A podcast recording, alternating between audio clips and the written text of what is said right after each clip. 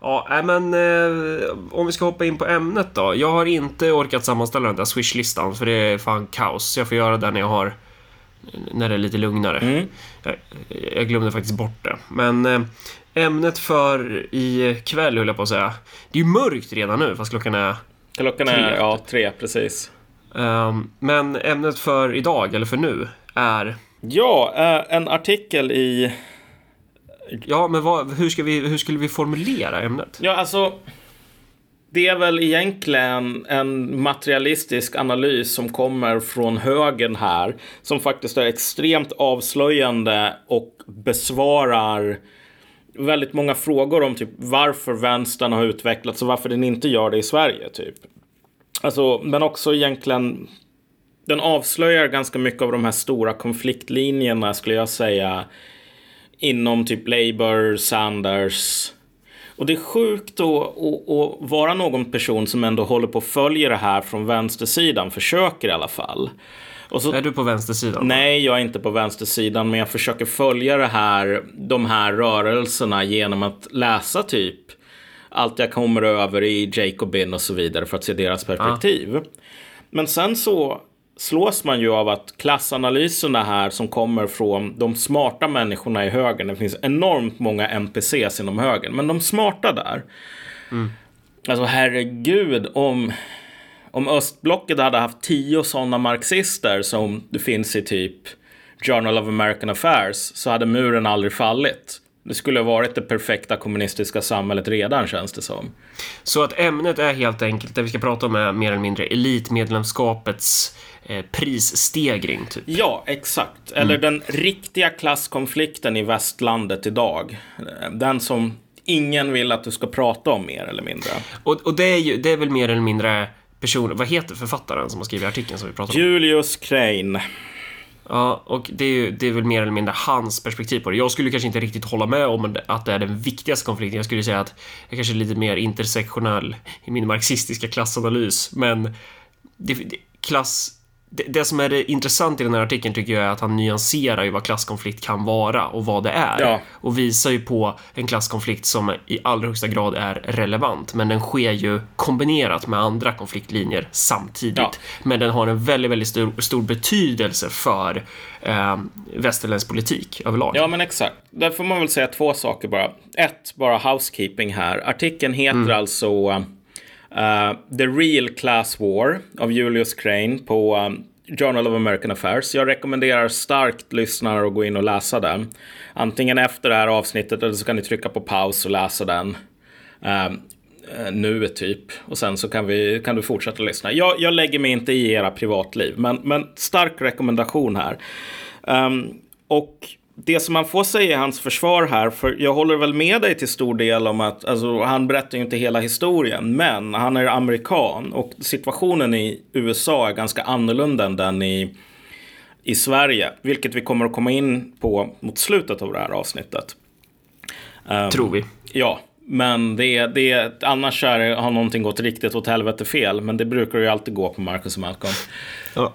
Men så här, liksom, han, hans grundläggande argument är ju inte egentligen så himla kontroversiellt. Han säger ju att genom historien och speciellt i USA idag så är det så att konflikter inom eliter är ofta mycket mer signifikanta för politisk utveckling än mellan typ eliten och folket. Mm. Och så tar han ju upp det här att vi idag håller på att diskutera hela tiden om så här, du vet, populister mot eliter, folket mot eliten, anywheres mot somewheres, gall mot tann och så vidare. Alla de här bär ju på en kärna av sanning.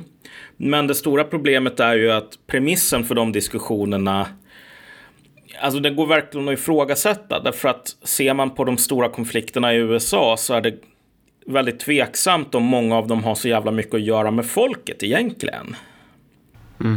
Och det här är ju någonting som, alltså när jag pratat med eh, de, de goda marxisterna på den andra sidan som fortfarande finns kvar, så har ju en del av dem sagt saker liksom i förbifarten som att vi borde inte prata om 99 procent mot 1 procent utan vi borde fokusera på topp 15 procent och sådana där grejer.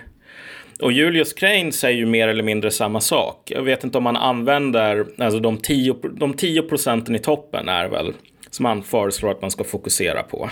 Han, han säger väl typ att konflikten står mellan en promille, alltså inte en procenten, utan en promille kontra typ 10 procent. Ja, exakt. Um, och det kan ju låta jättekonstigt så här. Men vad då? Arbetare mot folk, är inte det som hela, eller arbetare mot bankirer, är det inte det som allting handlar om? Ja. Men alltså om man ser till egentligen bara vilka som ingår i ett parti som DSA och vilka som... Vilket är Democratic Socialists of America. Ja, precis. Eller den här, det som högern är livrädd för, den nya amerikanska socialisten som typ Alexandra Ocasio-Cortez. Mm. Så men typ vilket distrikt är det som hon vann i? Det är ju ett av mm. de rikare. Mm. Och alltså den uttalade strategin för de här människorna är att vända sig till rika distrikt där det finns en svag kandidat. Och så kör man woke, liksom woke mm. politik, men man riktar sig alltså inte mot vanliga knegare utan man riktar sig till folk som är övre medelklass, överklassliberaler när man ska sälja mm. in de nya socialisterna. Man är, man är politiskt korrekt helt ja. enkelt. Och i eh, Storbritannien så var det ju så att det var ju inte Corbyn som gick in i det här valet bara, nu har jag pratat med arbetarklassen och de kommer att rösta på mig. Utan han blev ju lika förvånad som alla andra över att han vann. Och det var inte arbetarklassen som stegade in, utan det var ju alltså studenter liknande. Så att det finns ju ganska mycket indicier på, som tyder på att det är någonting annat här som pågår. Mm. Där... Precis, det är, alltså vänstern är inte direkt representativ för konflikten arbete-kapital längre exakt. om man säger så. Um, och därefter så går han ju in på det här med egentligen de, de, de, den här faktan, statistiken som verkligen, jag tycker, stärker ett sånt här argument. Han visar ju på att, eller han nämner i alla fall att om vi ser till utvecklingen med löner i liksom topp 5, 1 procent av befolkningen, eh, 1 procent som man använder. Löneutvecklingen för topp 1 procent är ju så astronomisk medan utvecklingen för vanliga knegare, lönerna har stagnerat. Det är ju någonting som är en välkänd talking point idag. Men en sak som faktiskt har hängt med i löneutvecklingen för den rikaste procenten i USA, termer av skenande så här, tillväxt. Mm. Det är alltså kostnaden att gå på universitet, på college. För den rikaste procenten eller för de Ja men tio? alltså för alla. Det är bara för hur, hur, mycket mm. det kostar att, att, gå på typ Harvard eller någonting. Ah. Alltså där har, där har samma så här raketökning som för de rikaste människorna, den högsta procenten, den har liksom följt med där. Få andra saker i samhället har gjort det kan man ju säga. Vilket betyder att de märker ingen större skillnad på utbildningskostnad i USA? Då? Nej, en, en, en, annan sak som man nämner är ju, om vi nu är inne på universiteten, är ju att den här senaste skandalen, eh, folk som höll på att fuska för att typ komma in på Harvard eller vad det nu var. Jag tror att det var Harvard. Alltså att den skandalen var ju ganska signifikant. Alltså för att så som folk beskrev det så fanns det traditionellt har det funnits en framdörr, komma in på Harvard, det är att du gör de här jävla proven och liksom klarar ansökning och så vidare. Det är den officiella vägen. Bakdörren att komma in på Harvard är också mer eller mindre officiell välkänd. Det är så här om dina föräldrar har donerat tillräckligt mycket till universitetet. Mm. Då får du en plats. Och, det är ju, och det, den modellen måste du ju ha som ett universitet i USA mer eller mindre för att det är så du finansierar din verksamhet. Ja. Så du, du har liksom tre stycken rika snorungar som inte har någon talang utan de har bara pengar. Ja. Uh. Jo men precis, alltså Harvard har ju en sån här massiv, som det kallas, endowment. Alltså mm. där man har alla de pengarna som man finansierar den löpande verksamheten med, som man investerar på olika sätt. Um, så om du bidrar tillräckligt mycket, då, då är bakdörren återigen officiell. Den är öppen för dig. Men nu var det så här att här var det överklassen i någon sorts sociologisk weberiansk bemärkelse som var tvungna att hitta en ny sidodörr som inte var officiell eller sanktionerad. Och då menar vi alltså de här 10 procenten Exakt. snarare. Mm. Eller som han pratar om i artikeln. Ja, precis. Så, så det är fortfarande liksom, vad vad ska man säga, det är lågeliten. Ja. Alltså de var ju, så som jag förstod detaljerna i den här skandalen så var det väl så att man hade äh, mutat folk för att skriva fejkade intyg för att få dem in på såna här sport scholarships. Så det är alltså, det, det, är, det är inte riktigt bakdörr utan det är sidodörr just eftersom att man måste fortfarande mutas in, vilket ju man ju gör officiellt om man tar bakdörren, men man gör det till ett lägre pris här då. Ja, exakt. Alltså det är ju, men, men, men så här funkar det ju att om, du, om det, mutan är tillräckligt stor, då är det inte ens en muta. Nej. Det är inte du som trycker en så här, 10 000 spänn i, i handen på någon sån här person som är en funktionär och bara säger kan inte du släppa in min son så här? För jag ger dig 10 000 spänn. Nej, här är det så här, ni får ett nytt bibliotek som ni sätter mitt namn på. Du, då är det aldrig någon som smyger med, alltså dels var det här biblioteket kommer ifrån och dels folk fattar ju att hans son är där för att det är hans bibliotek sådär. Men här var man ju tvungen att smyga med det och det har ju att göra med, i alla fall enligt Crane, och jag tror att han har helt rätt där. Det har ju att göra med att i termer av din möjlighet att reproducera dig i den här klassen, alltså alla de här eliterna måste ha väldigt vassa armbågar. Um, och deras löneutveckling har varit hög, men alla de här kostnaderna som krävs har verkligen, de har varit i paritet. En, en sak som man måste inse är ju så här att USA har en hel del um, universitet som inte är privata. En del av dem är mer eller mindre världsledande. Jag tänker främst på så här Berkeley till exempel. Som ändå är under University of California. Så det är ju delstaten som driver Berkeley. Men jag tror att det var mer människor i Obamas administration som hade examina från Oxford.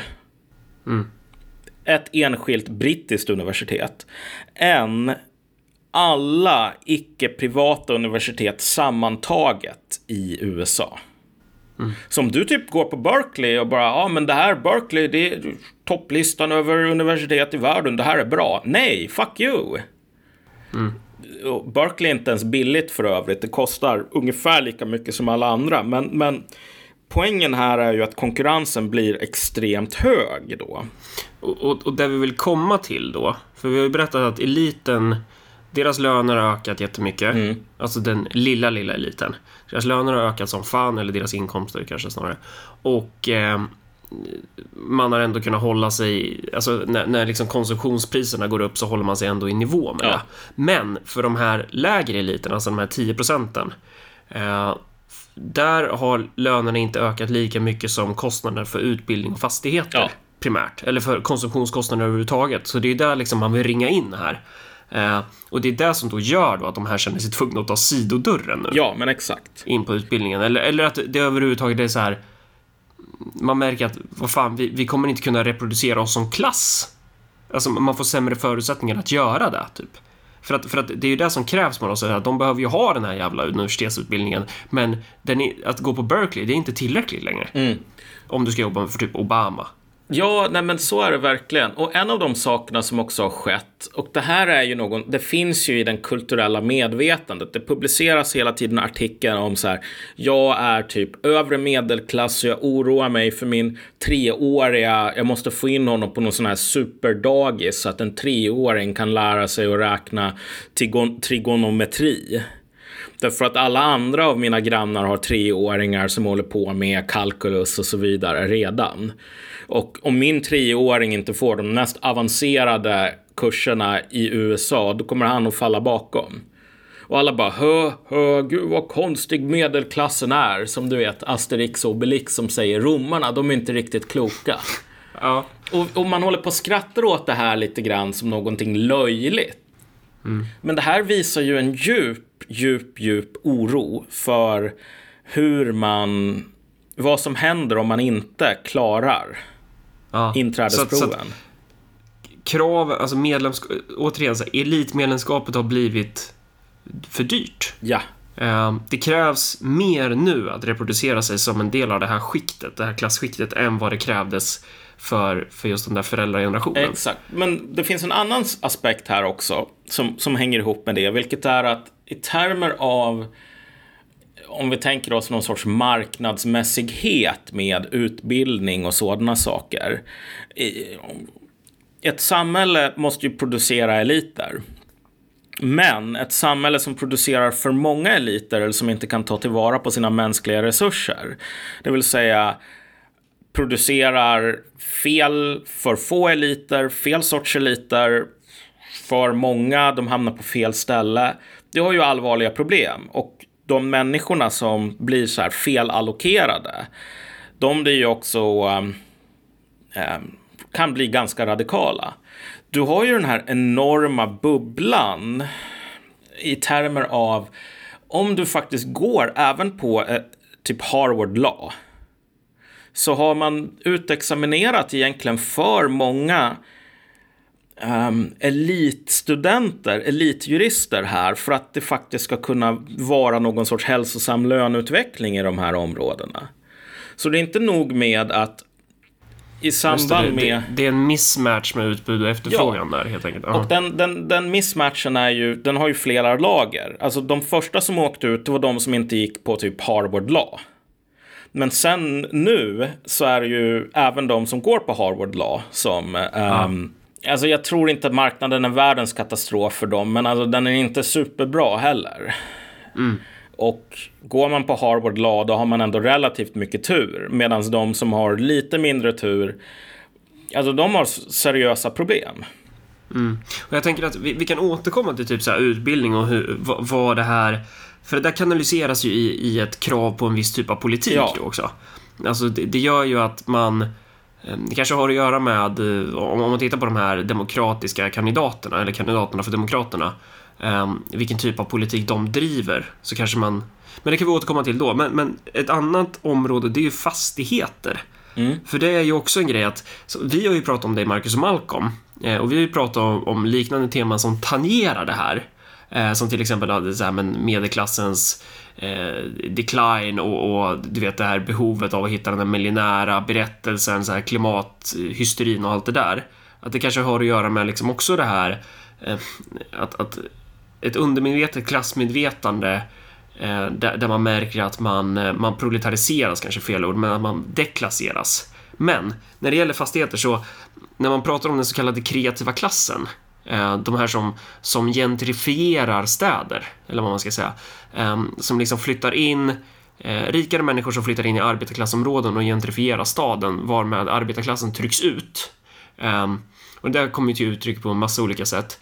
Men då brukar man ju prata om det som att, att de här som flyttar in i arbetarklassområdena, de liksom driv, de drivs inte av ekonomiska intressen. Mm. De drivs typ bara av någon slags idealistisk känsla. Det är bara ideologi, det är bara tanke. Det är bara så här, de är bara kreativa och nice. De bara så här, de vill bo i, i, i de här gamla husen för det är liksom, ja men de får mer utlopp för sin kreativitet mm. där. De vill flytta till typ så här Järnboås utanför Nora för att där kan man vara apputvecklare och det är så jäkla mysigt och gemytligt om man är en holländare mm. som, som kommer dit. Det, det är ingen som typ så tänker bara, ja men den här kreativa klassen och kanske också har tryckts undan. Precis på samma sätt som de trycker undan arbetarklassen.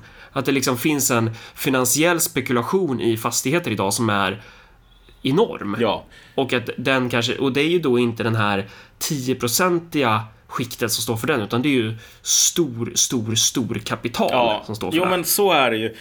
Här, just på fastighetsområdet, så känner jag mig osäker på hur stora jämförelser man kan dra mellan USA och Storbritannien, vilket är återigen... De är ju way, way, way ahead of us. Ja, alltså. och de är ju också um, way ahead på väldigt många sätt. I, i, det är här vi har kärnan i den här så kallade nya vänstern som nya arbetarklasspolitiken som alla var så superentusiastiska över. Men i så här London, då är, en av anledningarna till att det är omöjligt att hitta någonstans att bo i London är ju att um, bostäder i London är så här, rent investeringsverktyg för så här, kinesiska, ryska och uh, saudiska oligarker. Ja. Så att du har väldigt många lägenheter som mer eller mindre står tomma hela året i princip. För att de är ju inte till för att bo i, de är till för att du ska kunna ha assets. Du ska kunna ha um, tillgångar som du kan avyttra när det är opportunt. Alltså, men, men i USA, det finns väl en del sådana saker också. I typ New York, eh, allra främst. Men alltså eh, den, den riktiga centrat här för den här sortens sjuka, liksom vilda mästern-marknad på bostadsmarknaden är ju Kalifornien och San Francisco. Mm. Um, San Francisco specifikt, du behöver ha en enormt hög um, inkomst per hushåll för att klara dig över fattigdomslinjen i San Francisco. Någonting som skulle göra dig till solid över övre medelklass i många andra delstater. Och San Francisco har väl länge varit ett typ akademiker, en akademikerstad typ. Det är typ så här heroinister och akademiker. Det, det, det är min liksom fördom. Och det, det baserar jag på den vetenskapliga källan South Park. Ja, just det. När, de gjorde, när de gör sitt avsnitt om de här San Francisco-borna som eh, de liksom fiser och sen så bara dra, sniffar de sin egen fis. För att de är så jävla fina typ. Ja, alltså. De, här, de är så full of themselves. Det, det, där är väl lite av en, en, en, sanning med modifikation. Alltså, det har väl... Grejen med San... Så det är inte... South Park är inte helt vetenskapligt nej, alltså? Nej, kanske inte nej. helt. Men den stora okay. grejen med San Francisco är väl att mer eller mindre så här. Alltså de som finns kvar idag, det är mer eller mindre heroinister, hemlösa och sen folk som tjänar riktigt, riktigt bra med pengar. Du kan oh. typ inte jobba i en skola i San Francisco och ha råd att bo i San Francisco. Det går inte. Um, det, det, är apokalyptiska nivåer på den här um, segregationen, men också den här sjuka dysfunktionen där alltså ingen har längre råd att bo kvar, priserna exploderar. Och om det här bara var ett problem för typ läraren som måste jobba i den här skolan åt de här rika dataprogrammerarna uppfostra deras barn. Ja, men hon har inte råd att bo där. Okej, okay, det skulle ju vara illa nog. Då skulle man ju kunna ha någon sån här vänsterpopulistisk klasspolitik här kanske. Problemet är ju att uh, den här enorma kostnaden speg, avspeglar ju sig på de här dataingenjörerna också. De får riktigt bra betalt, men vad spelar det för jävla roll om riktigt bra betalt innebär att du betalar absurda huspriser? Um, och det ska man ju också komma ihåg för att det är ju lätt att vara så här kritisk mot typ om någon skulle föreslå så här 8, 80% skatt. Mm. Ja, jo, det, det är inte så populärt för att då, vad fan ska man... Då jobbar man skitmycket och så får man ju knappt något kvar själv som man kan använda. Men det här är ju en annan form av... Det är ju inte liksom statlig beskattning, men det här är ju så här om, om, om, din, om 80% eller 90% av din lön äts upp för att konsumtionspriserna är så jävla höga. Så det, det är ett annat sätt att, att att exploatera människor på så. Det är ju inte bara liksom lönenivån som man kan exploatera människor utan även konsumtionspriser är ju en exploateringsfaktor. Exakt. Jag menar, om man nu ska ta den här historiska liknelsen så jag tycker att det finns mm. vissa paralleller mellan äh, att vara medelklass idag och att vara en medlem av adeln i Frankrike, typ 1750-talet eller någonting sådant. Du vet, gamla adelsmän, då hade ju den här väldigt stora status tävlan. Mm. Det var ju så att många adelsmän belånade sig själva väldigt. Alltså, de gick ju mer eller mindre i konkurs för att kunna köpa konsumtionsvaror. Det var ju inte på grund av att de här människorna var dumma eller för att det var bly i rören så att liksom hjärnan hade ruttnat bort på dem så för att de var adliga. Utan det är ju på grund av att för att du ska kunna hävda dig i den där världen och du behöver alltså social status för att kunna ha inflytande och makt. Okej, okay, men du var tvungen att leva på ett adelsmannamässigt sätt. Annars var, du, annars var du bara en jävla loser. Ingen bryr sig om du, din farfars farfars farfars var någon greve som vann i det här kriget. Så. Och vi har ju snackat om det också i något tidigare avsnitt med typ så här de här medelklassskikten som du kollar på huset på utsidan och så ser det ut som en sån här färgglad romantisk ja. komedi typ. Allting är väldigt gemytligt, väldigt så stort hus. Men när du väl går in i det så är det typ en madrass. Ja, men precis. Att det, är typ, det, det är bara fasad. Ja. Och det är, det är ju också en viktigt attribut för det här klasskiktet är just statusen, för statusen betyder ju väldigt, väldigt mycket för din ställning i produktionen i sin tur. Det är ju det som en, alltså en Oxford-utbildning är ju inte om du skulle fråga en dator typ så här, är en Oxford-utbildning så jävla mycket bättre än en Berkeley-utbildning sett till pris, typ? Då skulle ju datorn säga nej, i helvete heller, klart inte. Det här är bara ni korkade människor som ser det som en status. Ja. Men, men det där är ju A och O. Jag har lite av en, en sån här Patrick Bateman-polare i London faktiskt. Han eh, tog ju sig in, han har ju jobbat på alla de här stora företagen nu, men han hade ju examina från typ nummer två universitetet i Storbritannien. Som, Cambridge eller? Eller vilka där? Ja, det var väl Cambridge tror jag. Eller ja. det var något annat, det var något sånt här väldigt obskyrt. Jag kommer inte ihåg namnet faktiskt. Uh, men, alltså väldigt bra examina i typ neurologi. Okej, okay, men han börjar jobba på en bank. Ja. Uh, därför att det spelar ingen roll vad du har examina i. Den ska ha hög nog status. Sen så kan du börja jobba på en bank och sen så blir du mellanchef på typ Amazon. Och efter det så blir, bildar du någon sån här startup för typ programmerare. Så det är ju mer, exakt, det, har, det finns ingen rationalitet i den utbildningen utan det är en stat, det, alltså, det är egentligen inte utbildning du köper, du köper status. Ja, exakt. Um, det, det, det, är ett sätt, det är en klassgrind. Typ. Exakt. Jag menar, och det var ju det som han, alltså, de, han intervjuaren på hans första jobbintervju var väldigt öppen med att okej, okay, neurologi, det har ingenting att göra med det som du kommer att jobba på här på en bank. Men det är inte det som är poängen med de här betygen heller. Det är ingen som tror det. Alltså. Så det, det är inget problem att du inte kan applicera din utbildning här. För vi är intresserade av att ja, men du tog dig igenom det här systemet och du kom ut nära toppen. Mm. Men vad fan, men, men det här tar sig uttryck i liksom en politisk representation. Uh, för att vissa vill ju få det till att typ uh, hon Ocasio Cortez och den här Elizabeth mm. Warren, att det här är typ, ja men det, det är KGB-agenter. Det är sleeping agents. De har legat och sovit sedan murens fall mm. och nu jävlar så nu är röda faran tillbaka. Men vem som helst som har ögon att se med ser att det här är ju ett uttryck för en viss typ av klassskikt. Alltså den politiken som de bedriver, det är ju inte liksom så här, ja men för det som de skulle benämna som the deplorables. Nej, nej politiken det är ju just riktat till så här, men hur, hur ska vi göra det lättare för vissa människor att gå på college? Hur ska vi göra det lättare med så här eh, studielån? Det är den typen av politik som de pratar om och där ska vi komma ihåg att så här, medelklassen är ju också väldigt beroende. Medelklassen som existens är ju, du behöver ju ett statsmaskineri för att det ska kunna funka typ. Ja. Men, men, eh, och, och, det är väl det som, det är väl så man kanske ska förstå både Sanders och Corbyn då också, att alla de här, den här liksom gröten, handlar ju om att bevara det där klassskiktets ställning på något sätt. Nej, men det är verkligen slående här att vi hade de här två ändå verkligen out of left field. Um, Sanders har ju varit på den politiska scenen i typ ett halvt sekel. Århundrade. Ja. Ja. Ja, verkligen. Um, så han är ju en känd quantity sådär. Hur många demokrater 2014 trodde att Hillary nästan skulle förlora mot Bernie fucking Sanders? Som kommer upp där och pratar en skitstör i, vad är Philadelphia? Nej, New York. Eller Boston direkt. Nej, nej, inte, alltså herregud. Det är New York. Det är New York, ja. Alltså du kan inte ens ja! se skillnad. Oh, gud, jag skäms Hu just nu. Huvudsaken är att han spottar på sig själv när han pratar. Det är så mycket saliv överallt.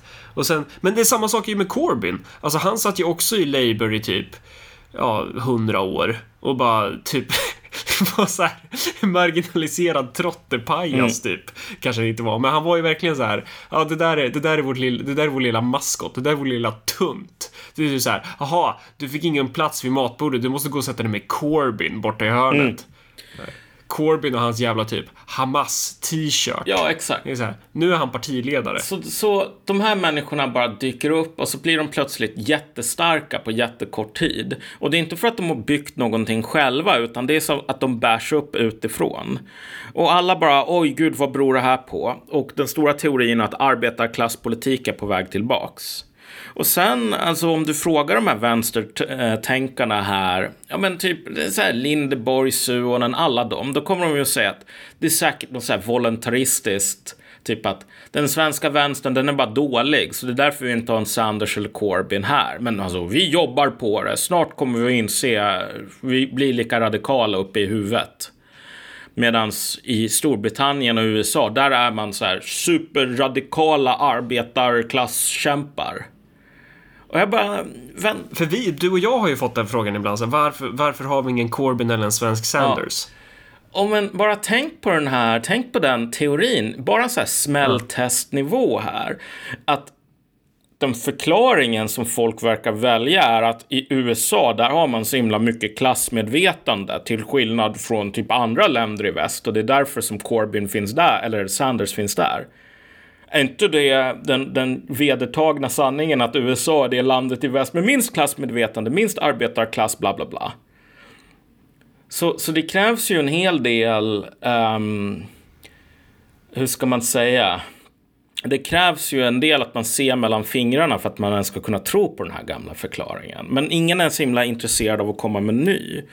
Men sen om man ser till vad som faktiskt har skett här och vilken sorts politik som de här människorna kör. Då ser man ju verkligen vilken sorts klasspolitik som det här handlar om i slutändan. Nu är det ju så här att USA har faktiskt en välfärdsstat. Ehm, den är inte alls utformad på det sättet som vi skulle tycka är okej okay här i Sverige och så vidare. Men jag menar, det finns ändå vissa subventioner om du är superfattig. Um, staten betalar typ uh, din sjukvård. Det är typ, det är väl Medicaid istället för Medicare. Jag, jag blandar alltid ihop dem, men det är typ Medicaid i alla fall. Um, så det är inte så, det finns ju den föreställningen i Sverige, ja ah, men vet du vad, du tjänar inte så så mycket pengar, okej du lämnas på gatan. Mm. Nej. Däremot så är ju sjukvården skitdyr för vanliga knegare. Det är den ju. Alltså den är inte sjukt dyr för vanliga knegare. Det, det, det är mer komplicerat än så. Det är snarare så jo, att men, ja, om du är riktigt ja. fattig, då täcker staten en hel del av kostnaderna. Men mm. där men för, skon klämmer ja. är att om du inte är superfattig, mm då, det är inte som om staten bara, men då betalar jag 40 procent.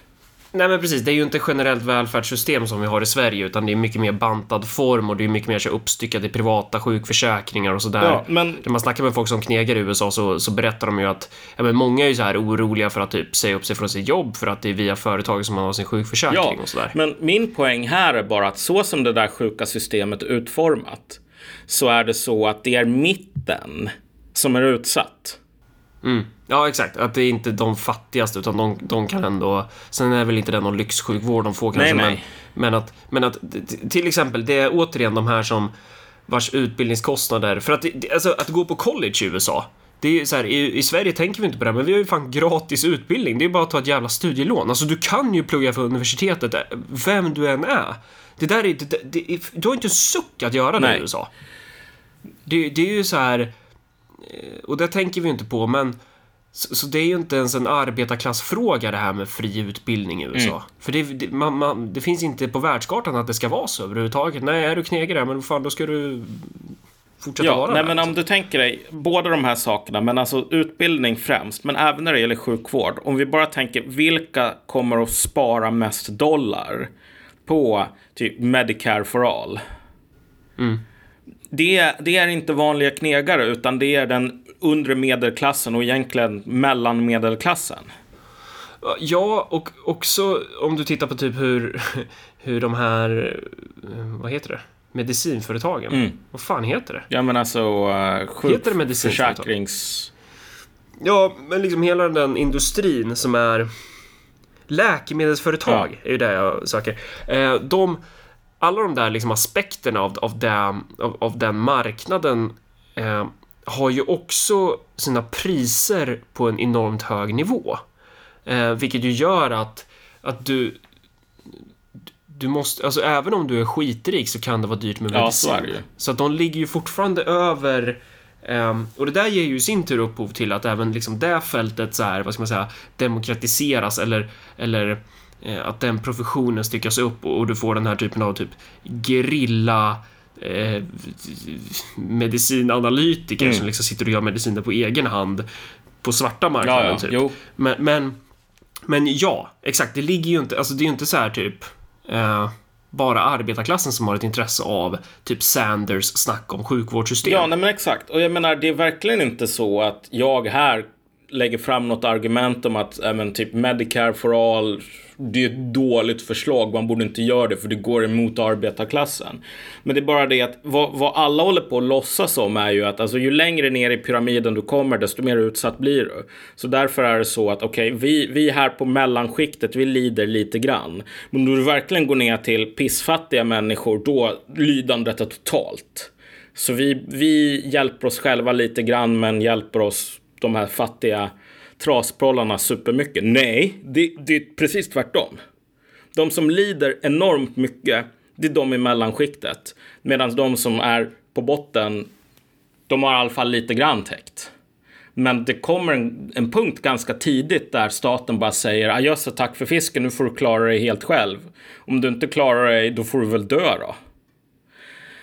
Um, och sen när det gäller college, där är det ju typ supertydligt att det här handlar ju, alltså det är gratis college, alla sådana saker.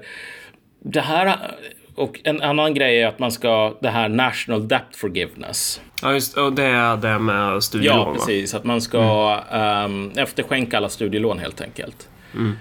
Och det är väl säkert en superbra idé på vissa sätt. Och så finns det kanske vissa problem med den. Men klassintresset ljuger inte här. Nej, det är, det är inte gruvarbetarna som har studielån. Sen kanske de där lånen innefattar fastigheter också då. Men återigen, även där har du ju en, har du en klassaspekt att, att knegarna har ju inte lika dyra fastigheter som de här i, i lågeliten har. Då. Nej, exakt. Så, så att även där kommer ju mer till del. Ja, dem. och jag menar återigen, det här är ju det som verkligen gör um, den här adelsliknelsen relevant. Därför att om du är en bonde och du har inte råd att bo kvar i din, ditt radhus. Ja, men du kan flytta till ett lite sämre radhus som bonde. Därför att din förmåga att bruka jorden. Du vet, plantera en jävla potatis. vilken, vilken era pratar ja, men om? jag, jag, jag överdriver ju här. Det är ju inte alls så som det funkar. Men min poäng är ju att um, om det nu skulle finnas radhus på den tiden som vi hade så här livegna bönder så är det så att de är ju livegna på grund av att de, deras jobb är att hålla på och sätta potatis. Mm. Deras förmåga att hålla på med subsistensjordbruk är inte avhängig deras sociala status. Det är perfekt. Det spelar ingen roll var de bor eller om de skickar sina barn till det här genusdagiset eller inte. Funktionen är, vet du hur man sätter potatis? Okej, okay, ut i fältet med dig. Det är inte så det funkar för de här människorna. Det är inte så att du kan gå och bara, jag löser bankvetenskap och så kan du få ett jobb på Goldman Sachs. Nej. Alltså du kan läsa bankvetenskap om du läser det från världens finaste universitet i hela världen. Okej, okay, då får du ett jobb där. Men om du läser, jag vet inte vad, turistvetenskap på världens finaste universitet, då får du också ett jobb där. Det spelar ingen roll. Du kan läsa vad du vill nästan. Det är bara det som spelar någon roll här är att du har rätt kontakter och rätt så här, statusmarkörer. Och eftersom status är per definition en bristvara så innebär inte det att um, alla kan ha den, utan det finns alltid en konkurrens. Um, och om den konkurrensen blir mycket hårdare, då är det så att de flesta kommer att förlora. Och där är vi ju på många sätt idag. Så att det är fel väg framåt att hålla på och skratta åt medelklassen för att den sätter sina barn i de här konstiga dagisarna och så vidare. Um, att de lägger massor med pengar på att bo på rätt ställe och åka till rätt på semestrar på rätt ställe och de dyraste utbildningarna och så vidare. Därför att det här är någonting som krävs för att reproducera sig själv som klass. Man har inte ett val att betala de här kostnaderna. Gör man inte det, då åker man ut. Um, din, din, din förmåga att vara en del av den här klassen och komma in i de delarna av samhället där du kan få de här lukrativa jobben inte beroende på att du tar en examina i rätt sak. Det är beroende av din status. Men samtidigt ska man ju argumentera för att för det som gör att, att utrymmet blir mindre är ju, de, det är ju, det är ju samhällsekonomin som krymper klassen, ja. man ska säga. För att, så att, för, för samtidigt som vi säger nu liksom att, att det är status är ju eh, nyckeln in i, i, i det här rummet av elitmedlemskap. Mm. Så är ju statusen i sin tur avhängig eh, vad det kostar att få en examen från rätt Ja. typ av universitet. Eh, vad det kostar att ha en fastighet i rätt typ av område och allt det här som krävs. Eh, och, och, den, och de priserna i sin tur avhängiga liksom hur, ja, hur prisutvecklingen sker i samhället i övrigt. Och det är ju då vilka tjänar på det? Ja, men det är ju typ topp, topp, topp skiktet. Mm. Jo, exakt. Nej, men det är också så. Och då- ja. Och det är då vi kommer till liksom, det är snarare där då konflikten, det är väl det han menar med the real class war. Ja. Att det är mellan de här då och topp, topp, topp, topp skiktet. Exakt. Därför att den här lågadeln, de som inte har råd Ja. att bo på Versailles i året om, som måste belåna sina egna lantgods för att ens kunna typ åka in och vara där tillräckligt länge för att man ska kunna säga hej till kungen. De är ju enormt bittra idag. Och det är de som verkligen flockas till eh, om vi nu tänker oss så här. Demokraterna är det tydligaste, tydligaste exemplet. Därför att Demokraterna håller på att gå från att vara partiet för de fattiga till partiet för de allra rikaste. Notera då att det finns ingen motsättning mellan den tendensen att Demokraterna blir för de allra rikare och att du har de nya socialisterna som vänder sig och agerar utifrån Demokraterna. Men om man ska titta då på typ svensk kontext. Mm. För att det är ju... Det finns ju likheter och skillnader. Ja, Ehm, och de, vissa likheter tycker jag i alla fall känner igen. Sen, sen så verkar det som att USA och Storbritannien, det är mycket mer långt gånget och det är ju liksom...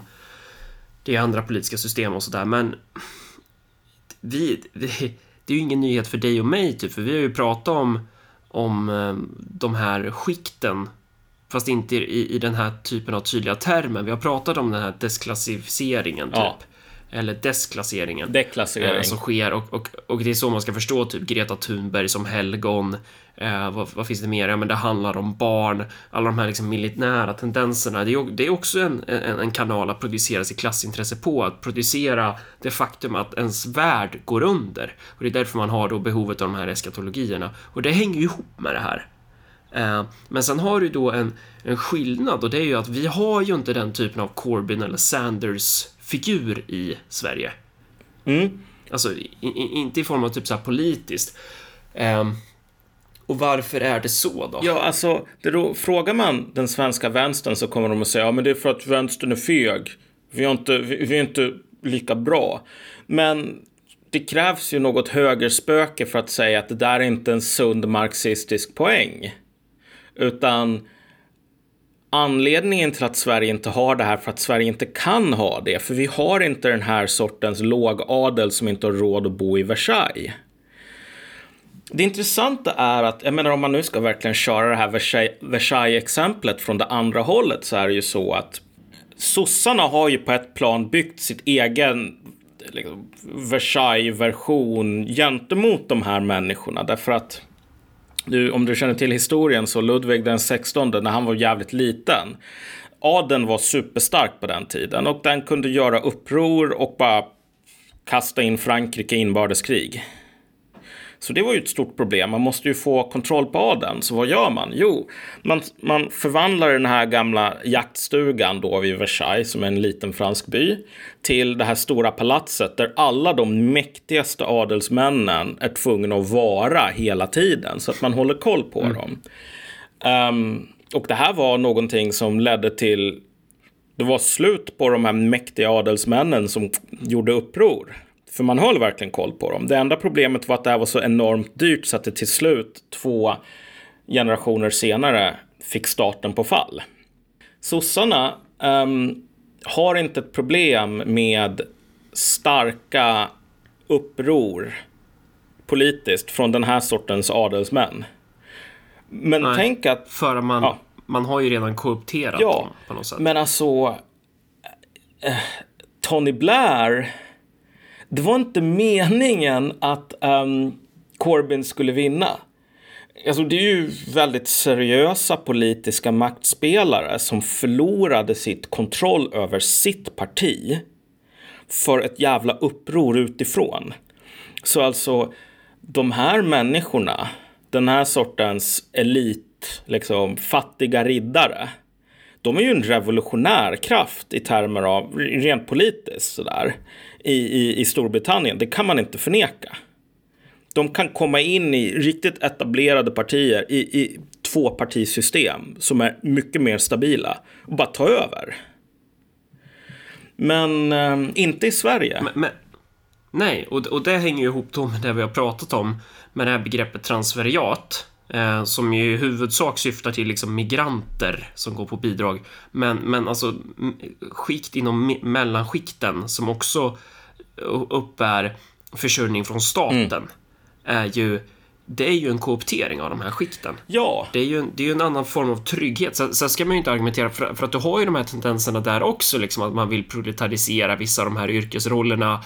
Det, det här utrymmet krymper också. Det är liksom, du får ju fler personer med universitetsexamen inom typ genusvetenskap än vad det finns jobb som genusvetare om man säger mm. så att du har ju de tendenserna också, men kanske inte riktigt lika långt framskridet som i USA. Och sen när det gäller det här med typ gentrifieringsprocesser i städer så har vi väl, det, det är väl mycket större på någonting i USA. Ja. Alltså på något sätt. Att det är, eh, du kanske har den tendensen i Sverige också om man tittar till typ våra eh, skuldsättning på hushåll och, och, sånt där. Så vi, vi kanske är på väg dit, men, men samtidigt så har man ju ändå lyckats köpa den här de här skikten genom att, att ge dem förläningar inom statens ramar. Typ. Ja, nej men precis. Nej, men om man ska köra den här riktiga materialistiska analysen så får man väl säga att sossarna hade ju på grund av att, alltså det är ju LO som startade socialdemokratin, inte tvärtom. Eh, så rent politiskt, Socialdemokraterna kom ju ur folkrörelser. Och det är inte bara facken, utan det finns ju alla de här olika sfärerna då, nykterhetsrörelsen bland annat. Ja. Så det där är ju sossarnas hoods och har varit det sedan alltså början på 1900-talet. Så man har haft det här imperativet att man måste få de här rörelserna under kontroll.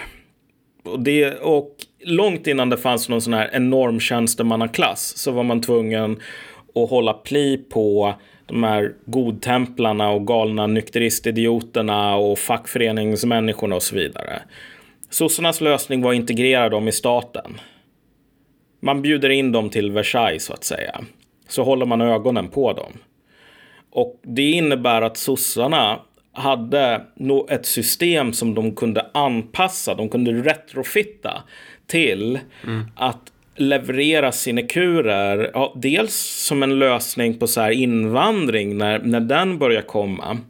Så hade man ju, ville man ju hålla pli på människor och kunna säkra att rösterna gick åt rätt håll. Genom att använda de metoderna som man använde på uh, sin egen rörelse. Men nu när vi har en ny klass av människor, en ny sån här riddare, adel utan liksom egna gods. Då har den modellen använts igen. Och det intressanta med det är ju så här att en av de sakerna som det innebär att vara köpt på det här sättet är ju att du tappar din stridsförmåga. Mm.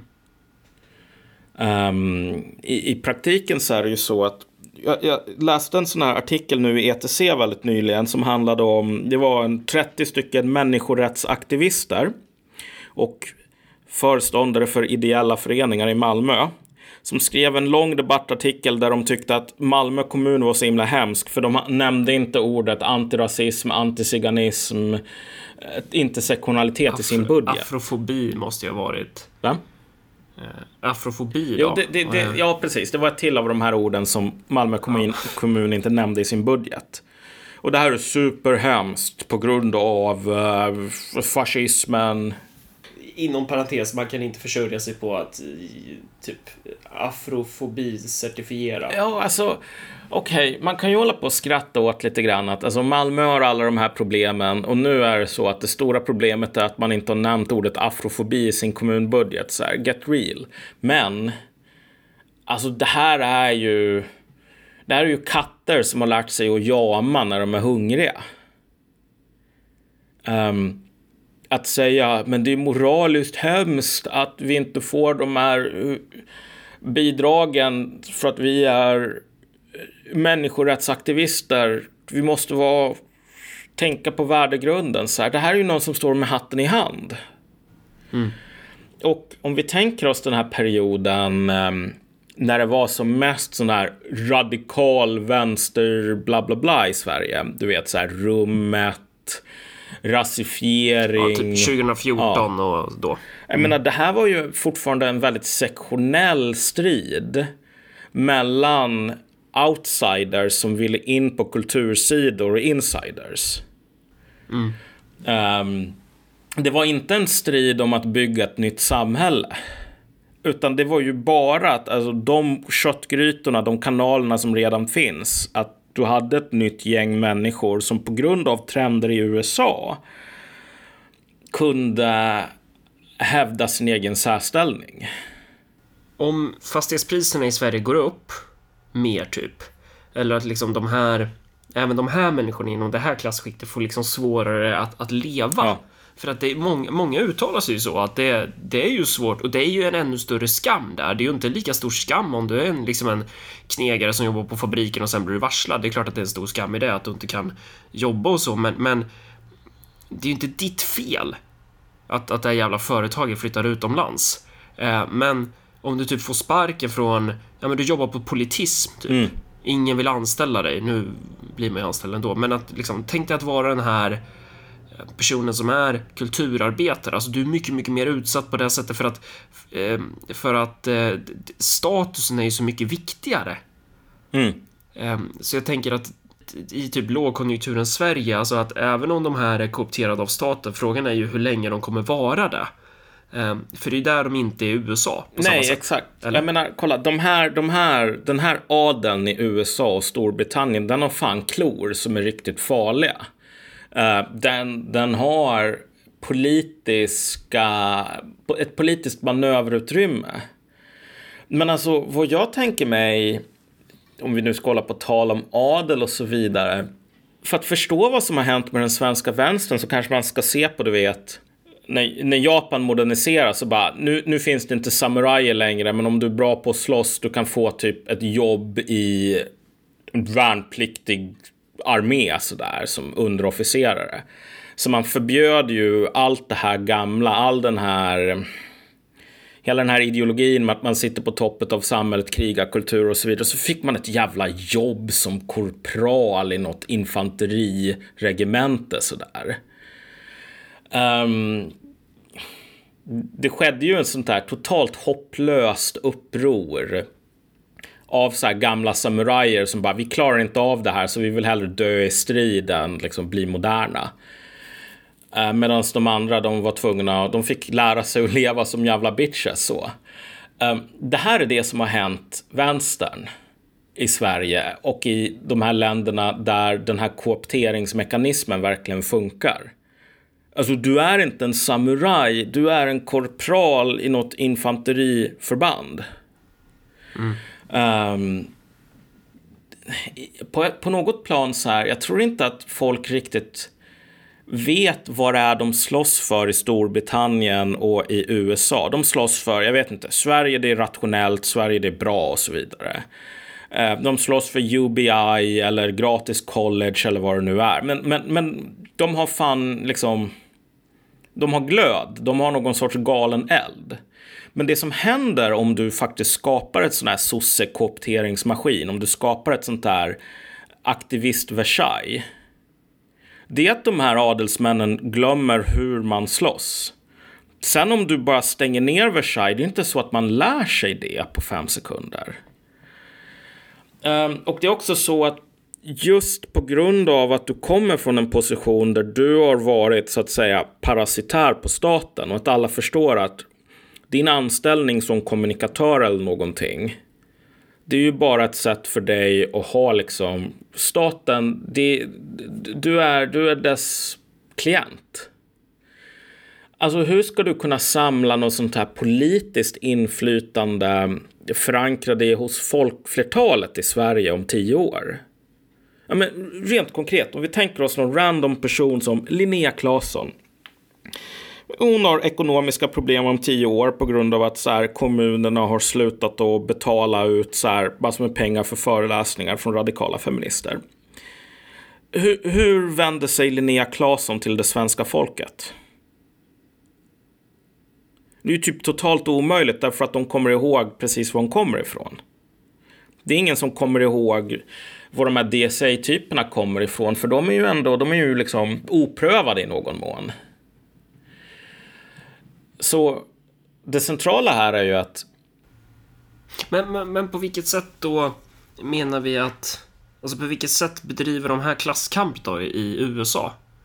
Alltså de, för klasskampen kanaliseras väl via då rabiata kandidater? Typ? Ja. Eller finns det något annat sätt som de bedriver sin kamp på? Även de har väl ganska, alltså de har väl inte så mycket möjlighet att bedriva kamp, eller har de det? Alltså, jag skulle säga så här, ja, det, det, är väldigt bra att du ställer den frågan, för det finns faktiskt en annan aspekt som hänger ihop med det här, vilket är som Crane inte tar upp, men som är supercentral, vilket är att den ideologiska vänstern, eller människor som kallar sig vänster idag, i termer av deras attityd till anställningstrygghet i universitetsvärlden och så vidare. De här människorna, de tycker att typ Alltså, tänk dig att du är på Timbro och så har du någon som säger LAS, det var djävulen som kom på LAS.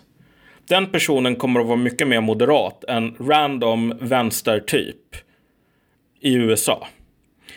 Um, ehm, och det här är inte en slump och det handlar inte så mycket om ideologi utan det är typ att i de här, den här... Hur menar du? Han kommer, det du sa var han kommer vara mer moderat än random vänstertyp ja, i USA? alltså vänstern i USA är inte för anställningstrygghet i, inom akademin till exempel, alls.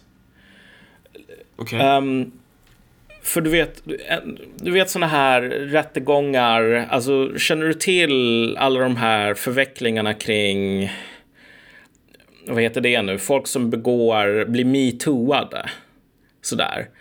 Uh, administratörer, anställda lärare och så vidare som um, de råkar ut för, någon anklagar dem för att tafsa eller vara jobbig sådär.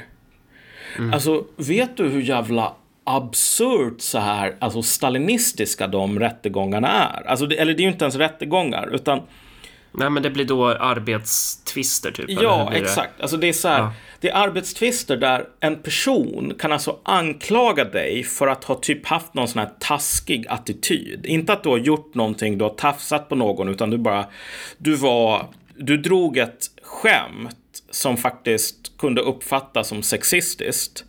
Inte på jobbet, utan i ditt privatliv för 15 år sedan. Det här är någonting man kan bli sparkad för. Ja, så det är ju ett sätt att bedriva klasskamp på då och det, det förklarar kanske varför den här metoo, eh, hela den vågen och hela den moralpaniken som rådde där, att den var ju också centrerad kring en viss typ av klasskikt. Alltså det var ju där den hade sin tyngdpunkt, eller gravitationen drogs ju däråt. Men och då får man då, då borde ju det innebära att det finns då ett ytterligare incitament i tider av när det är fler personer som är akademiker men som saknar en formell anställning så borde det finnas ett ännu starkare incitament för att man ska kunna göra de här positionerna mer rörliga. Ja, exakt. Då. Eh, eh, men om man å andra sidan har få som inte har en plats inom akademin, det är, mycket, det är inte lika stor konkurrens om posterna då borde det vara lättare att etablera en arbetstrygghet ja. inom akademin. Och Exakt. Ja. Alltså, den här grejen med att typ en person som inte är moraliskt fläckfri ska typ åka ut eller bli utmobbad så att han får sparken de facto. Alltså det finns ju inte starka ideologiska skäl för det, för det är ju ingen som vågar förklara varför alltså varför du ska ha en process där man håller på och säger nej men du ska inte ha en advokat därför att det kommer om du om du skaffar en advokat och ser ut som du är skyldig och då kommer vi att döma dig bara för det. Så här. Men om du inte har någonting att vara rädd för då behöver du ingen advokat, eller hur? Och så är det så här anonyma vittnen. Du får inte ens höra vad du är anklagad för. Alltså riktigt så här Kafka-bullshit. Alltså det är ju ingen som säger så här, ja men vet du vad, jag läste i Marx att det här är okej, okay. det är bra. Men, men då kommer vi in på, alltså då bedriver de ju inte ett klasskrig mot någon annan egentligen då. De bedriver klasskrig mot sig själva. Ja, delvis, ja. Typ, ja, för att kunna eh, Ja. Jo, men exakt. Alltså, men det, det finns ju ändå, oftast är det så att det är de här, de hungrigaste lejonen i liksom verkligen den här botten på topp 10 procent som riktar det mot så här, det här ganska mätta lejonet som är typ topp 2 procent eller någonting.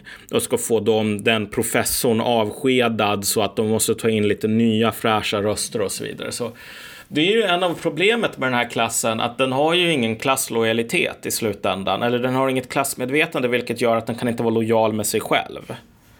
Nej, och frågan är ju hur det, hur det skulle se ut, om det ens är möjligt att ha det sett i den ställningen i produktionen. Um, för, för, det är väl rätt logiskt att de inte har det klassmedvetandet? Ja, alltså... Alltså i, i, i, den, i den formen som till exempel om man jämför med typ tusen arbetare på en fabrik där det liksom det är så supertydligt så här, där är snubben som äger fabriken. Så här, vi producerar mervärde som han tar del av. Vi är ett och samma. Vi gör samma jobb. Du vet så här, det är väldigt tydligt ja. liksom jämfört med, med, med den rollen som de har. Um, Alltså, jag har suttit så här lite sena kvällar när vi har ölat med en polare som också är väldigt historieintresserad och diskuterat för det är en öppen fråga varför medelklassen har jättesvårt, alltså sträckande sig tillbaks i så här tusen år ungefär. Att uppnå... Men, men det kanske inte är så konstigt för att just eftersom begreppet medelklass eller begreppet mellanskikt mm.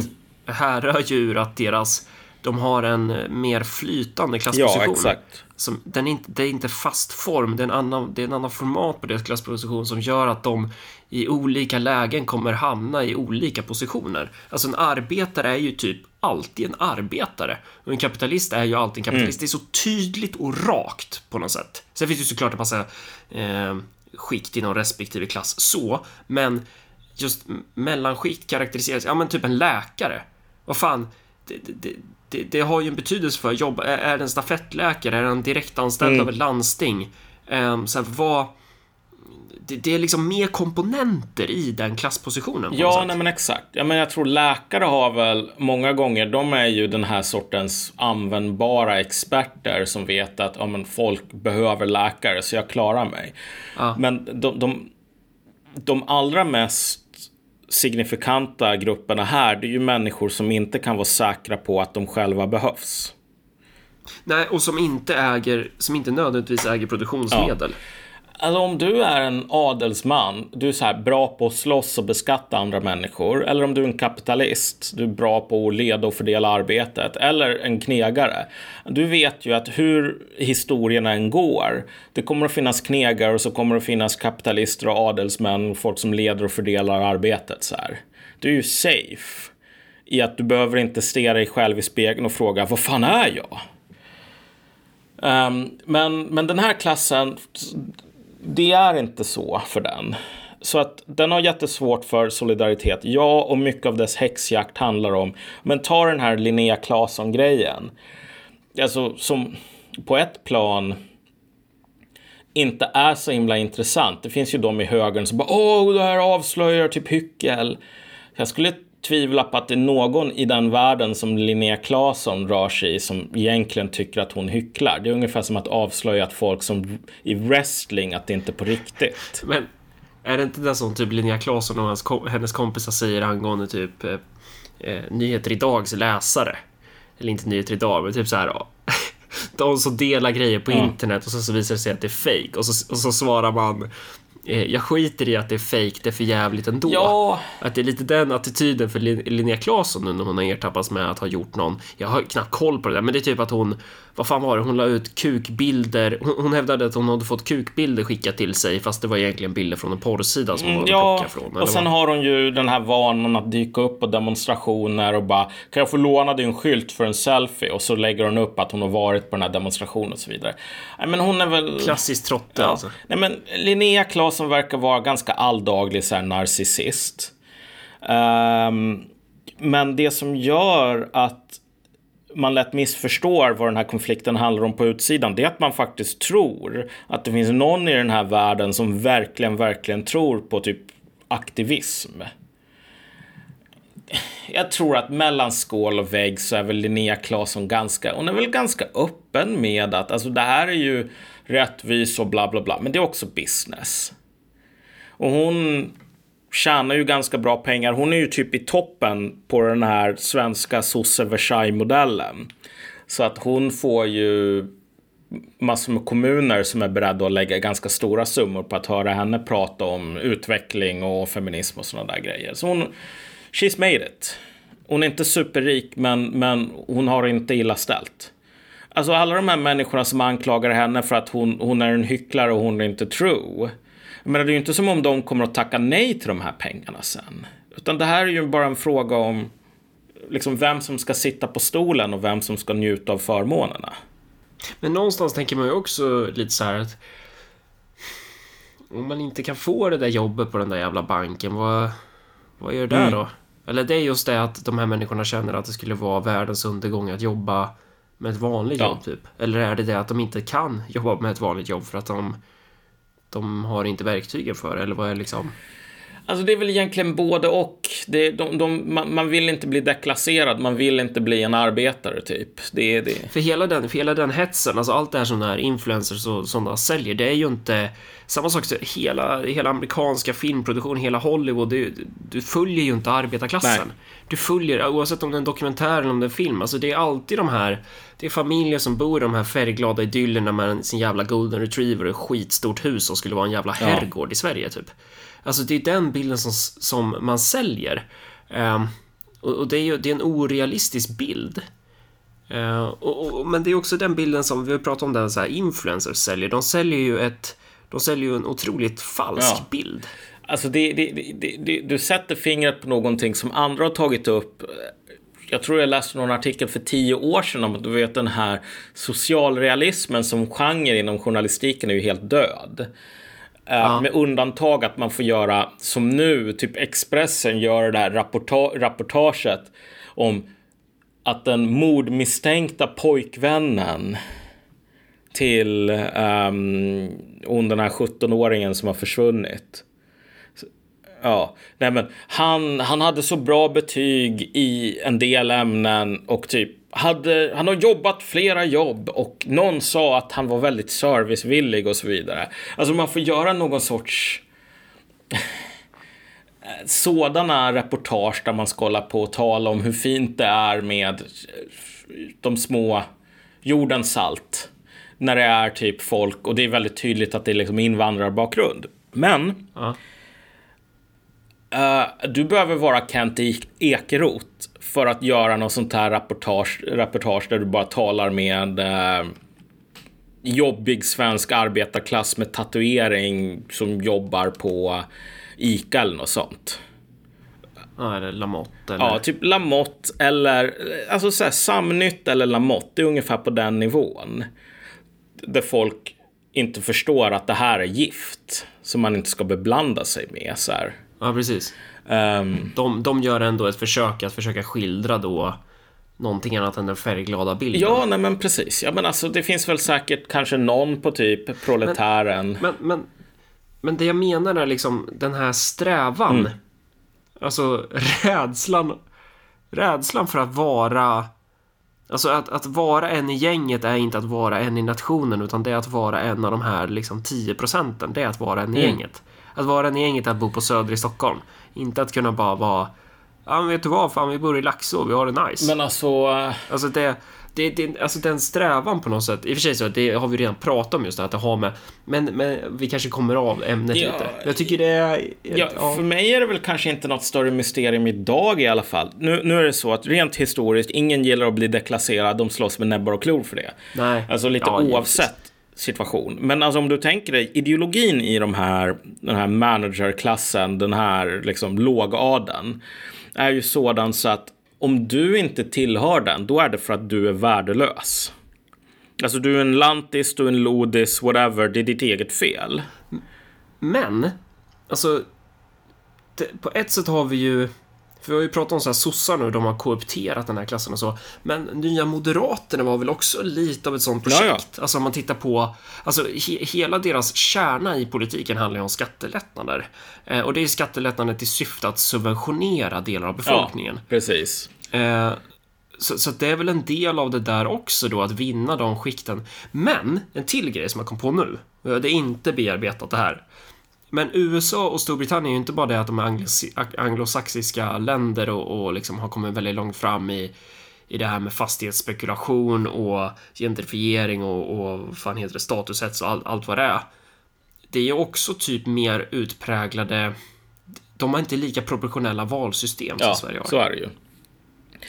Eh, och det borde ju också...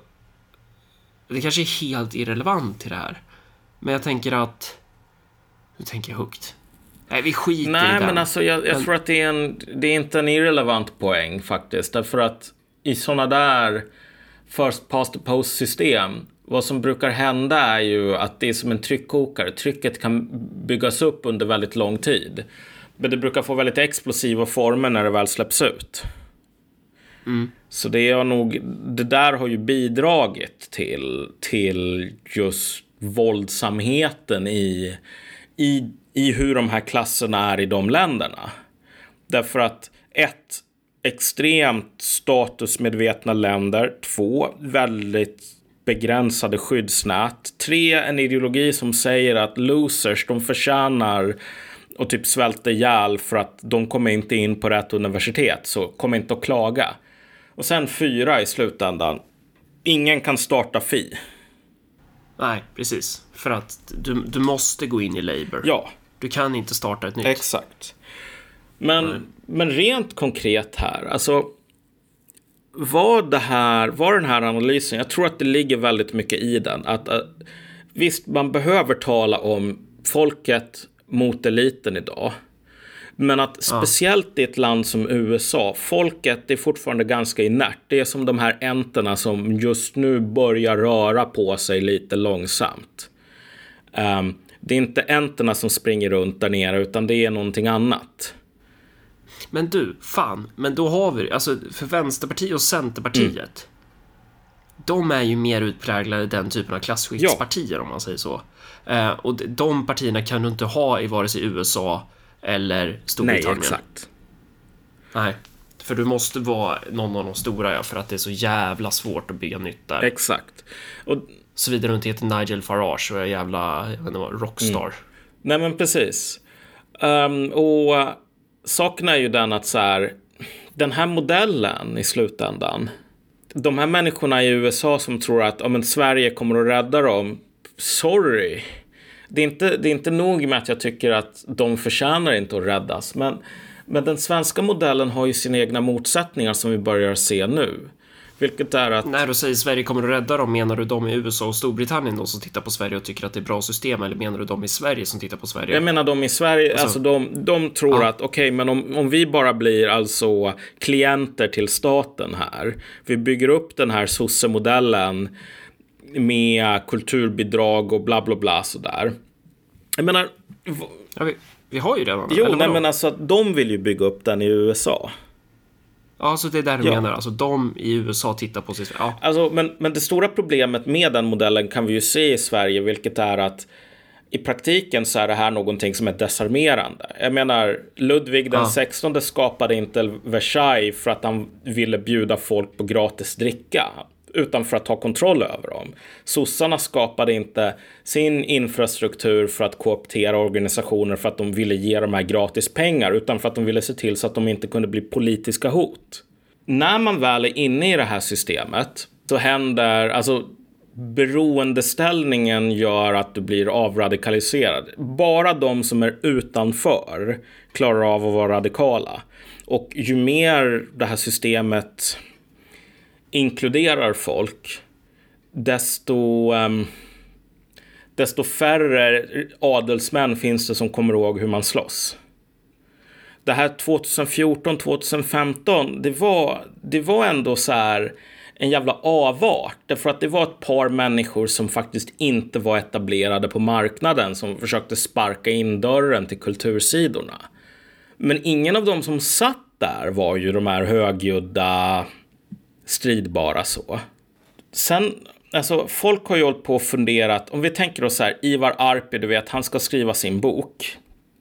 Och så får han en miljon kronor eller två miljoner eller vad det nu är. Och så alla fattar att vänstern kan inte ens konkurrera på... Uh, får, alltså via Kickstarter Ja, menar precis. Du? Att folk donerar? Ja. Vänstern kan inte konkurrera. Den kan konkurrera med Arpi, inte med Heberlein, inte med Joakim Lamotte, inte med någon. Nej. Och den förklaringen som du får inom vänstern när de ska hålla på och lajva, du vet, materialister. Det är ju, ja men det är typ kapitalisterna och högen. Så här, som om det vore monopolgubben som donerade till Ivar Arpi eller ja. Ann Heberlein. Men, men det är inte monopolgubben och det är inte så här Wallenbergsfären eller någonting sådant. När vi, när vi gjorde en insamlingskampanj inför valrörelsen 2018, ja. Eh, då när Peter hade gått med, eller vi hade gått ut med det ganska nyligen, så gick Peter ut på sin Facebook bara så här, donera eh, en liten slant till ÖP. Mm. Alltså då var det ju det var så jävla många människor som swishade pengar. Och swish, peng, alltså swish-beloppet var ju typ så 10 eller 20 kronor på alla swish. Ja, exakt.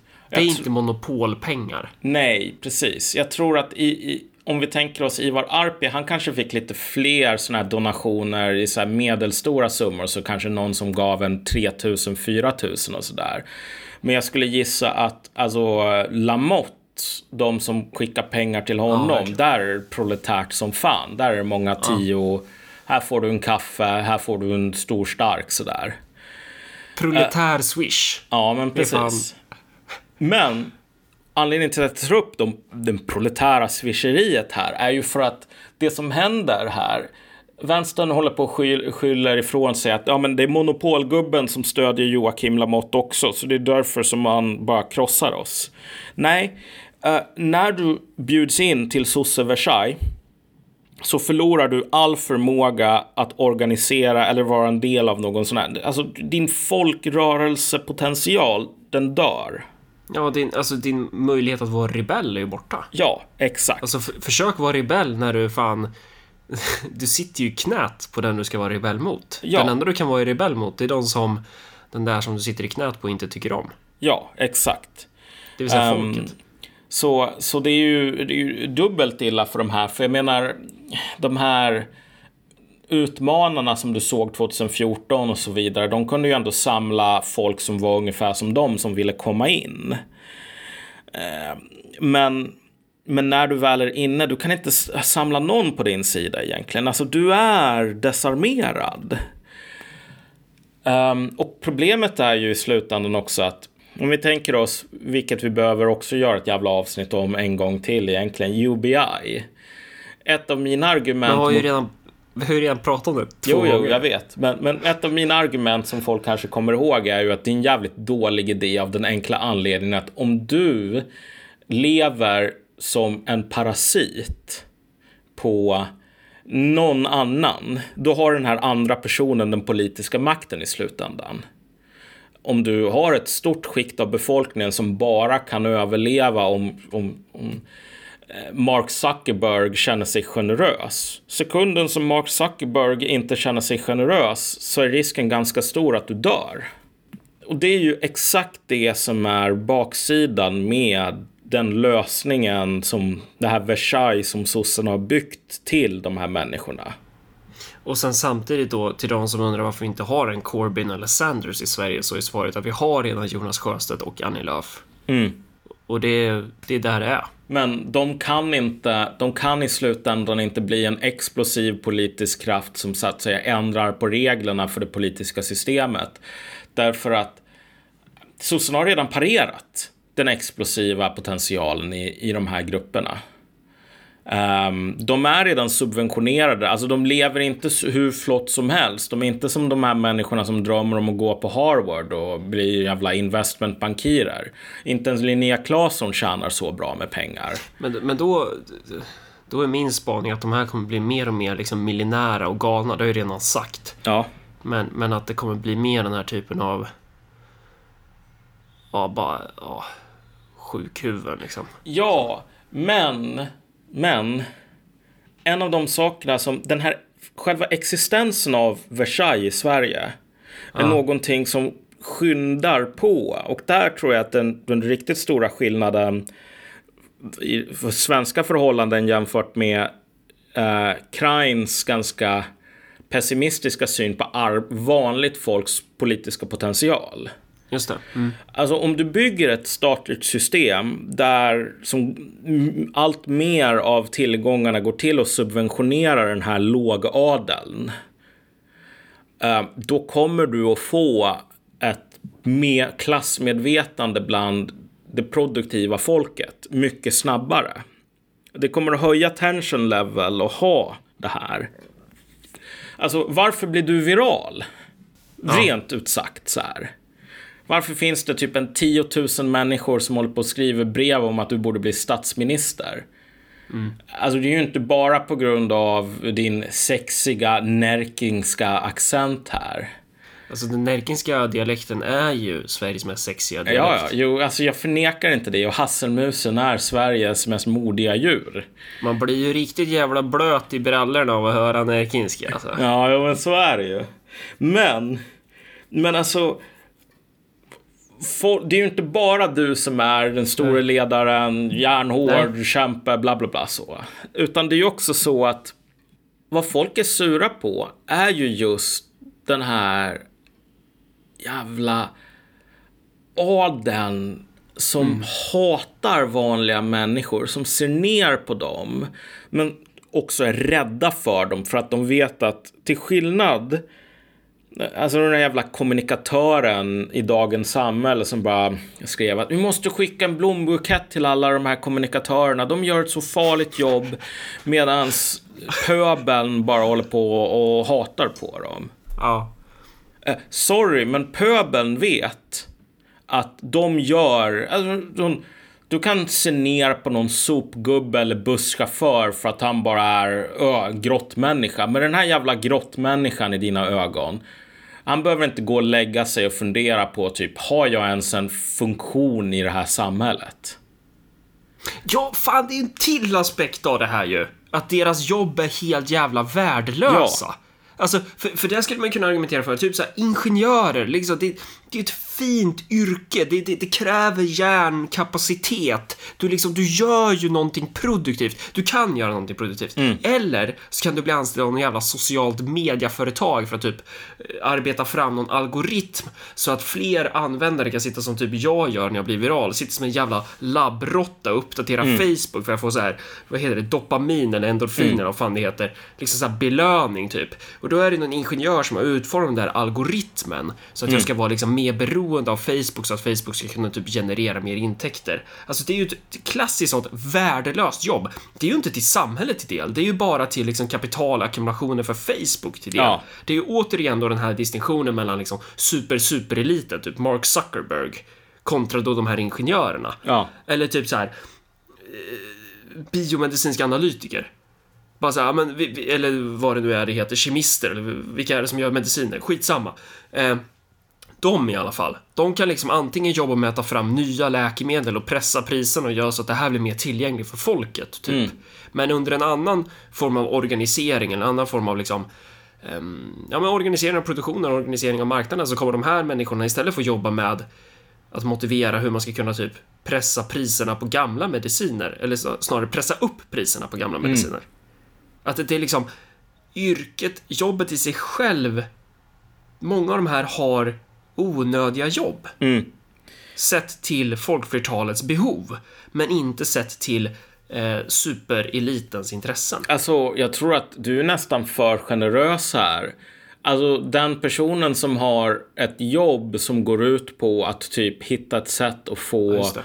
sociala medier och bli mer beroendeframkallade för Ja, unga barn. funktion, ja. ja. De har ju ändå, det finns ändå en sån här praktisk applicering som är väldigt tydlig. Det gör någonting. Alltså i, i förra veckan tror jag, då hade vi kommunstyrelsemöte. Då kommer det in tre tjänstemän som jobbar inom fältet för mänskliga rättigheter. Kan, kan, kan du...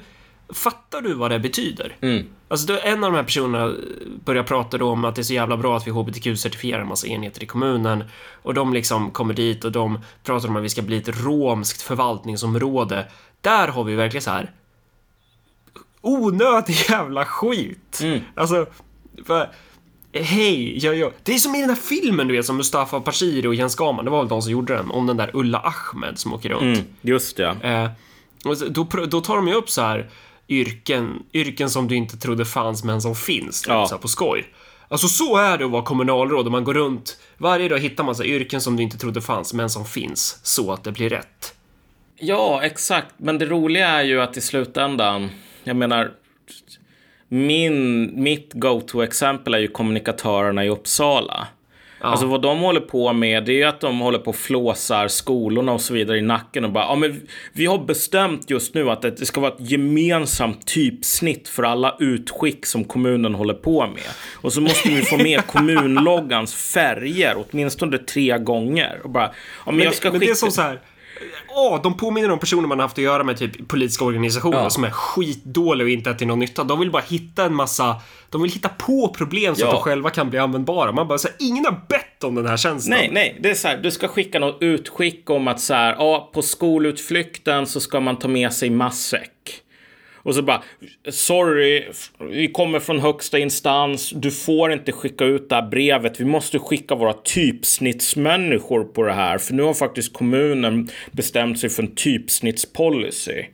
Och bara, kan du inte se om du kan trycka det här i färg på grund av att du vet, vi måste få med kommunens färger åtminstone tre gånger i varje officiellt utskick. Och att säga att ta med matsäck, det är ju ett officiellt utskick. Du måste göra det här nu.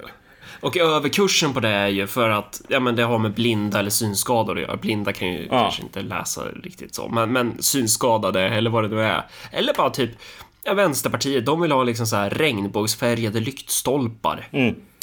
Alltså, det ja. Men meningslösheten i det där är ofta så himla tydligt. Och liksom alla är ju medvetna om det på något plan. Om du tänker dig den här nu ganska virala klippet med så här, du får inte klappa på DSAs kongress. Ja, just det. Ja. Du ja, men vi pratade ju om det Ja, också där. De har ingen, alltså de säger ju att det här är till för hörselskadade och bla bla bla så. Ja. Du vet, de har ju ingen som tolkar till teckenspråk. Nej. Om du är så här handikappad på det sättet, så här fuck off, jag har inte förberett någonting för dig. Men man har det här bara liksom demonstrativa som är till för att folk ska kunna mobba varandra. I, Ja. i, i han hörselskadades namn. Men sen om det finns hörselskadade, då får de klara sig själva. De får ingen jävla hjälp. Jag var ju på möte med några direktörer, jag ska inte säga vilka det var i kommunen, men väldigt trevliga och så, jag lärde mig mycket. Men eh, då vid något, i något sammanhang så sa de, ja, ibland så kanske en chef, eh, kanske det sker en skandal och, och media börjar gräva i, i verksamheten. Och då, då, då ringer man ju det här direktnumret och då kopplas ju en kommunikatör in. Så där, där har vi den stora användningen av kommunikatörer. För att cheferna inte bara kan vara ärliga med någonting eller bara säga så här är det. Utan då ska man ha den här liksom Wololo, shaman, eh, mystiska personen. Vad fan gör en kommun... Så, så här, har, du någon, har du någonsin sett typ så här, de här promotionfilmerna för kommuner. Det finns ju bara typ, det finns en bra promotionfilm för kommuner och det är ju Staffanstorps. Men i övrigt, alltså har ni sett de andra? Typ såhär, jag får ju upp så reklam för Västerås stad. Då har de ju lagt jävla massa pengar på att ta fram så här reklam för hur det är att jobba inom Västerås stad. Och det är ju, jag, jag skulle ju hellre skjuta mig själv än att ta anställning inom Västerås stad när jag har sett de filmerna typ. Det är ju typ sånt som kommunikatörer gör. De är bara, det är bara värdelöst. Jo, men alltså, men det, det, alltså, här tycker jag återigen att du ger dem lite för mycket när du säger så här, nej men vi behöver kommunikatörer för att man ska kunna ringa till dem, de ska bullshitta pressen. Uh, Ja, det är ju vad de här direktörerna säger. jo, men du vet, stora företag, de har ju folk som är pressbullshittare. Men de behöver en eller två. Ja. Uppsala kommun har 89 kommunikatörer anställda. Och, och det är ju ingen slump att det är extra många. Jag tror att alltså, man skulle vilja ha en sån... eh, Fan vad jag älskar kartor alltså.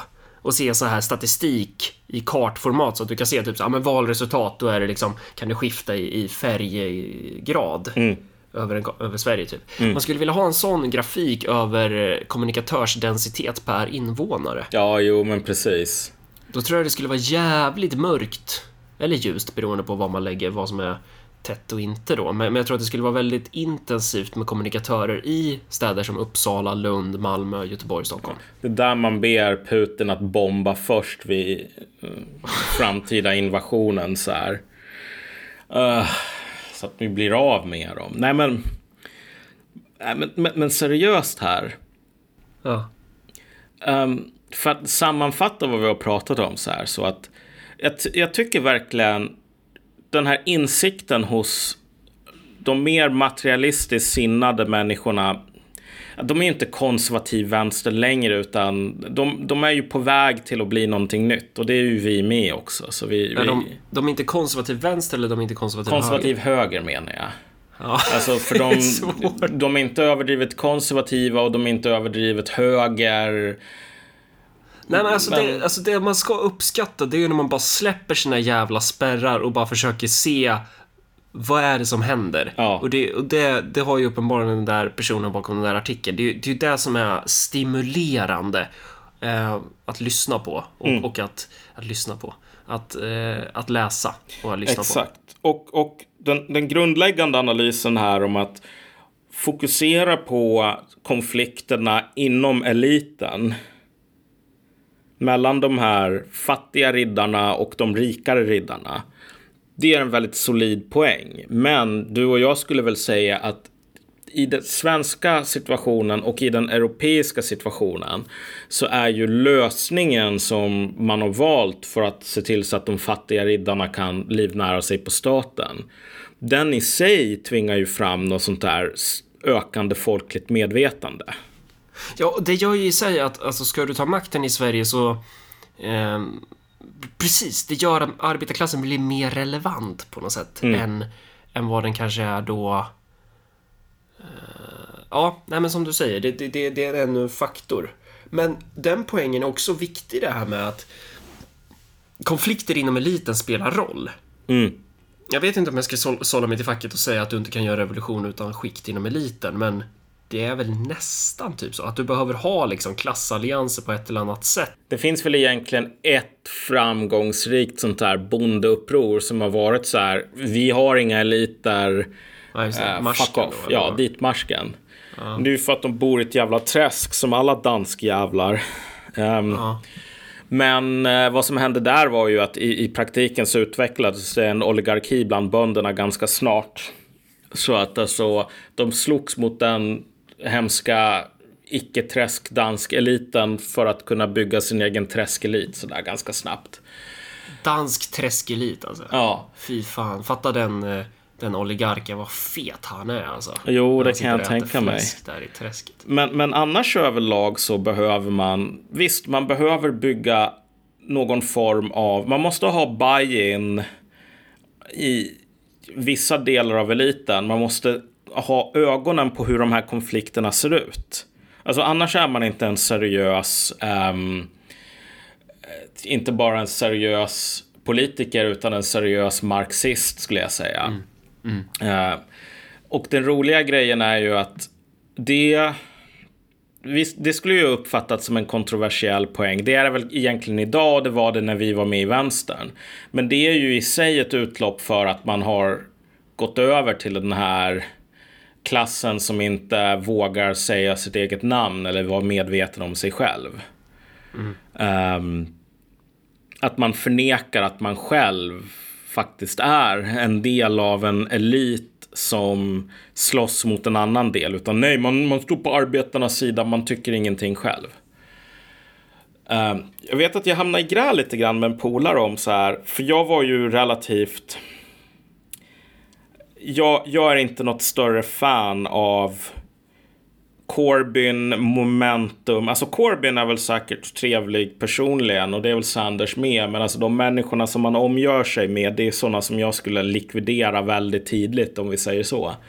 Mm. Um, men då fick jag ju det här gensvaret att ja men typ behöver man inte experter, ingenjörer och så vidare. Och bara jo, man ska nog ha ett samhälle med läkare och ingenjörer och allt det där. Men det är ju inte de som håller på och krigar just nu. Um, utan den sortens konflikter som den här sortens parasitära elit skapar i sin tur inom eliten.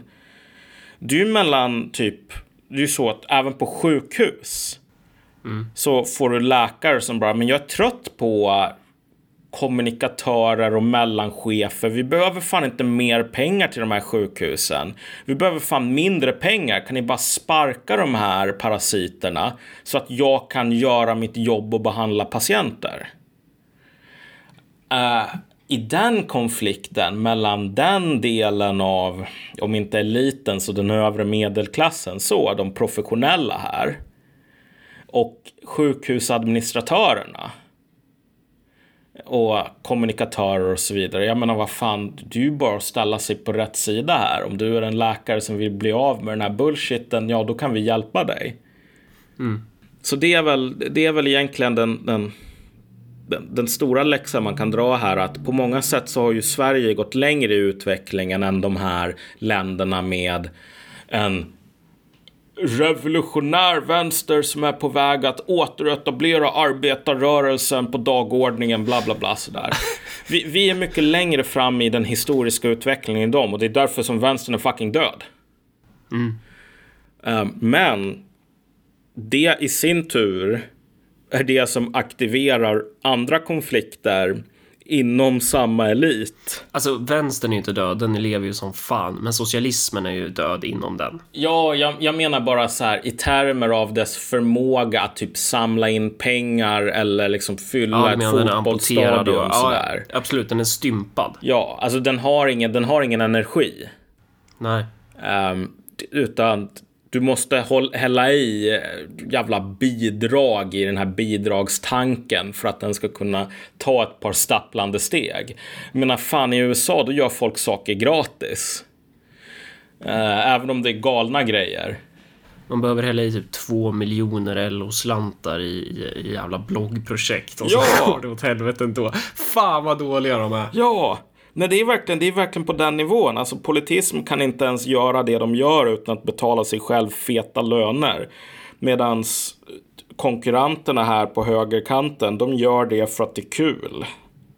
Mm. Så, så det är den första grejen som blir dödad här. Men, men så här, i takt med att allt fler Erik Rosén, Atladotter-typer bara dyker upp och bara mjölkar samhället, staten på alla sina pengar desto mer kommer du att få partier som typ med. Som typ blev någon sorts uppsamlingsplats för människor i den övre medelklassen som har typ... Produktiva jobb. Ja, exakt. De har produktiva det har jobb vi ju i någon gjort, Det gjorde vi ett avsnitt om för 14 månader sedan, ja. eller vad det är. Exakt. Jo, men det, det, är bara en bekräftelse på, på att vi hade rätt det där. Uh, men, men så, så du får sådana partier. Men sen så skulle jag säga att förekomsten av de här fattiga riddarna i Versailles gör att du börjar den här enten som är vanligt folk. Den börjar fan vakna. Mm. Och den gillar inte vad den ser. Den vill kasta ut de här jävla Versailles-människorna från... Ja. Och det, det behöver de få hjälp med. Det, det, det behöver vara den, en av de stora kamperna. Och bara bli av med den, den parasitära eliten faktiskt. Mm. Ja, fan. Nu fick vi något gjort. Mm. Nu eh, ska vi trycka på stopp nu eller? Ja. Hej då. Hej då.